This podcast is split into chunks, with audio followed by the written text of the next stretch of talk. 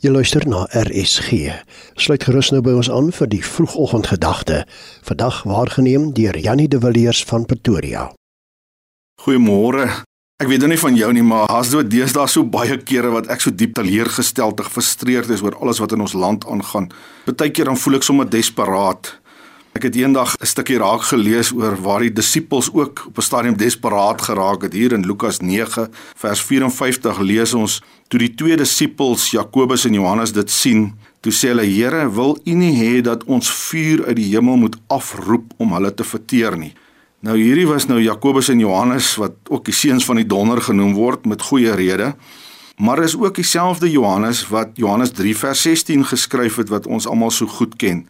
So lief het God die wêreld gehad.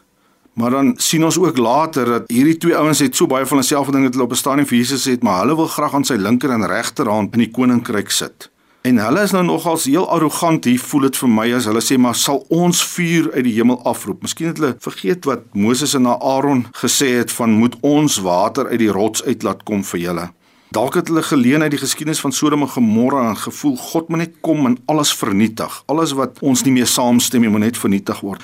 Baie daar voel ek ook so oor ons land. Maar Jesus is anders. Wanneer God vuur stuur op sy disippels in Handelinge 2:3, dan kom die vuurtonge op hulle en dit is die uitstorting van die Heilige Gees. En wanneer die Heilige Gees op ons uitgestort word, dan verander ons uitkyk oor die lewe. Dan wil ons nie meer mense verteer sien nie, maar ons wil eerder sien dat hulle gered word. En ek moes diep in my eie hart ook kyk na my motiewe en ondersoek doen oor my frustrasies oor ons land.